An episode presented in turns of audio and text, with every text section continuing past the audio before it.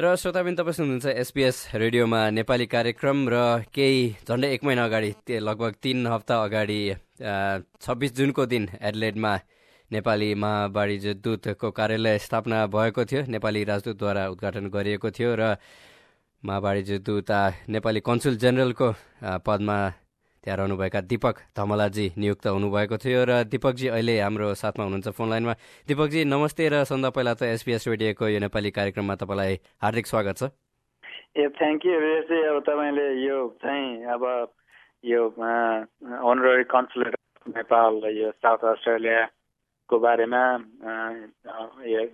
South Australia र अस्ट्रेलियाभरि नै सम्पूर्ण पब्लिकहरूको माझमा चाहिँ तपाईँले यसको प्रचार प्रसार गरिदिने प्रयास गर्नुभएकोमा धेरै धन्यवाद। अनि कस्तो भइरहेछ त अब एकचोटि तपाईँको बारेमा कुरा गर्नुभन्दा अगाडि पनि कतिको मतलब कतिको जरुरत अनुभव भएर त्यो कन्सुलेट खोलेको हो र अहिले कस्तो भइरहेछ त अहिले प्रोग्रेस कस्तो भइरहेछ भनौँ न। हजुर अब सबभन्दा पहिले त अब नेपालीहरूको पपुलेसन बढेको छ यहाँ साउथ अस्ट्रेलियामा। नेपालीहरूको पपुलेसन हाराहारी बाह्र सयको चाहिँ हाराहारीमा छ हामीसँग। तथ्य तथ्याङ्क नभए पनि लगभग त्यो चाहिँ नि तथ्य तथ्य तथ्य तथ्य नै हो।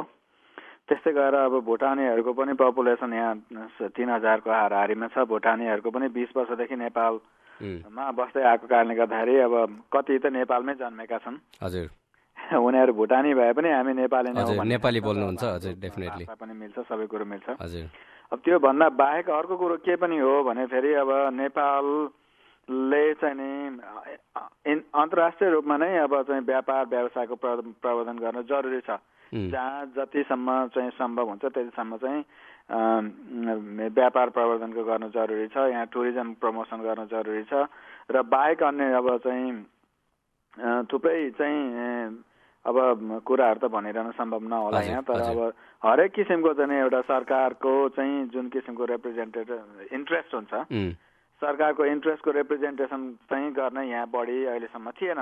नभएको कारणले गर्दाखेरि यस्तो नेपाल सरकारले पनि अब यहाँको वाणिज्य दूतको एउटा चाहिँ आवश्यकता देखेर नियुक्ति गरिएको हो। हजुर अब त्यही हामीले अब पहिला अब त्यहाँ रहनुभएका दिपक विष्टजीसँग पनि समय समय कुरा कुरा गर्दाखेरि पनि उहाँले अब समस्याहरू अब विद्यार्थीहरूको समस्या त अस्ट्रेलियाको जुन भागमा रहे तापनि होइन अब खास त्यो समस्या त अब झन्डै एउटै एउटै खालको हुन आउँछ अब बस्ने ठाउँदेखि लिएर विभिन्न समस्या हुन्छ। त्यस अन्तर्गत चाहिँ के कस्तो खालको भनौँ न अहिलेसम्म तपाईँहरू समक्ष गुनासो वा त्यस्तो के आएको छ त तपाईँहरू समक्ष मतलब हाम्रो यस्तो भए गाह्रो भइरहेछ भन्ने खालको केही कुराहरू आइरहेछ त अहिले नयाँ?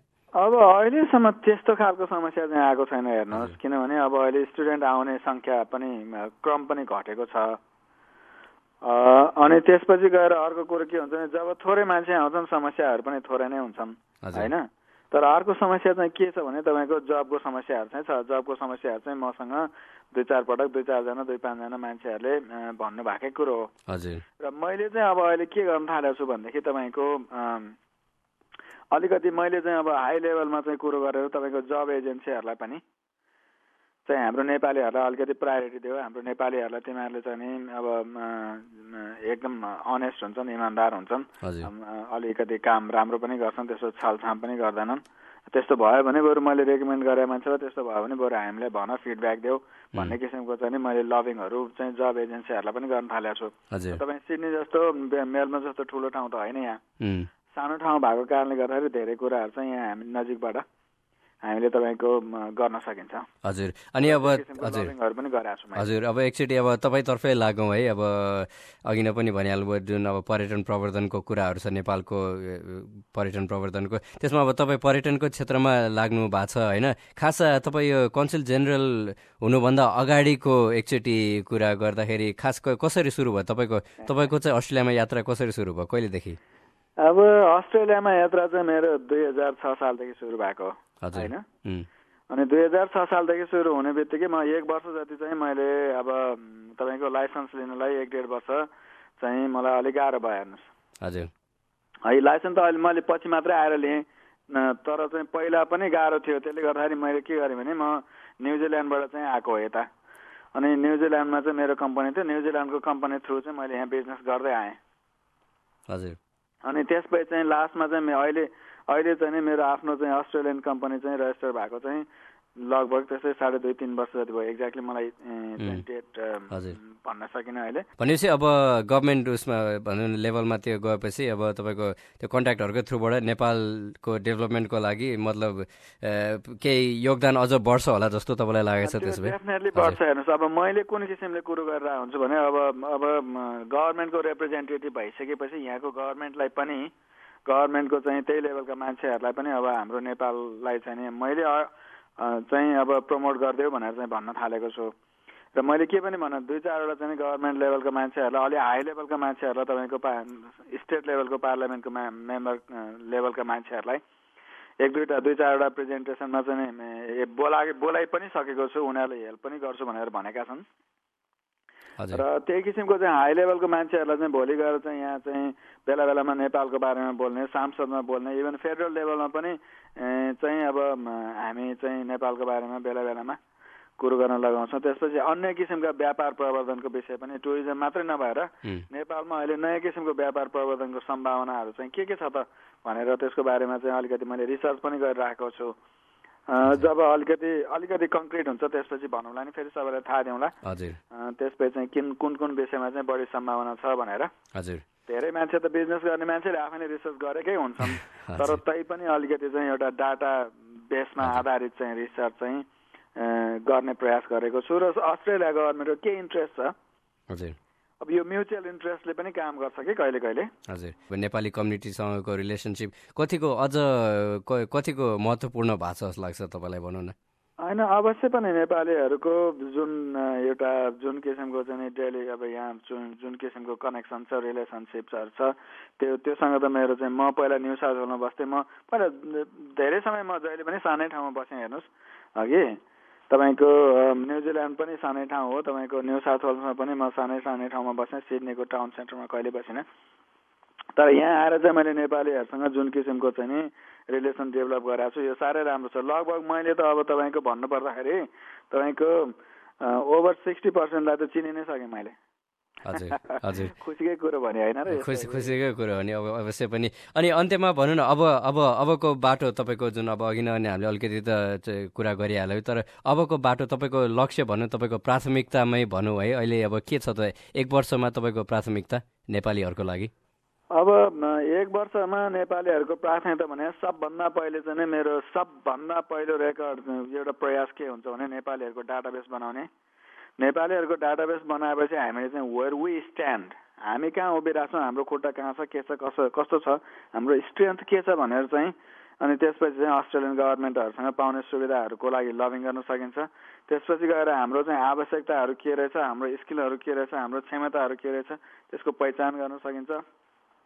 यी सबै कुराहरू चाहिँ जब हाम्रो चाहिँ आफ्नो चाहिँ स्ट्रेन्थ आफ्नो चाहिँ सिचुएसन थाहा भएपछि मात्रै we can plan a strategy सबभन्दा मेरो स्ट्राटेजी के हो भने आफूले आफ्नो जुन किसिमको चाहिँ अहिलेको चाहिँ सिचुएसन छ त्यो सिचुएसनलाई पहिचान गर्ने। जबसम्म हामीले हाम्रो चाहिँ स्थितिको पहिचान गर्न सक्दैनौँ हाम्रो अवस्थाको पहिचान गर्न सक्दैनौँ त्यस कारण चाहिँ हामी त्यति धेरै काम गर्न सक्दैनौँ। एउटा कुरो त्यो हो। अर्को कुरो के हो भने चाहिँ तपाईँको चाहिँ तपाईँको डिप्लोमेटिक रिलेसन चाहिँ डेभलप गर्ने त त्यो कामभित्र परिहाल्छ त्यसमा पनि बिजनेस रिलेसन चाहिँ डेभलप गर्ने। साउथ अस्ट्रेलिया र नेपालको बिचमा के के चाहिँ बिजनेसहरू गर्न सकिन्छ यो बिजनेस ग्रुपसँग गभर्मेन्टको बिजनेस गभर्मेन्टसँग चाहिँ बिजनेस एउटा कुन लेभलमा बिजनेस गर्न सकिन्छ त्यो किसिमको कुराहरू भइराखेका छन्। अब यहाँ तपाईँको चाहिँ एउटा चेम्बर अफ कमर्स भने जस्तै अब चाहिँ अस्ट्रेलिया नेपाल चाहिँ कमर्सको चाहिँ एउटा चाहिँ इस्टाब्लिस गर्ने अर्को पनि प्लान छ एक वर्षभित्रमा।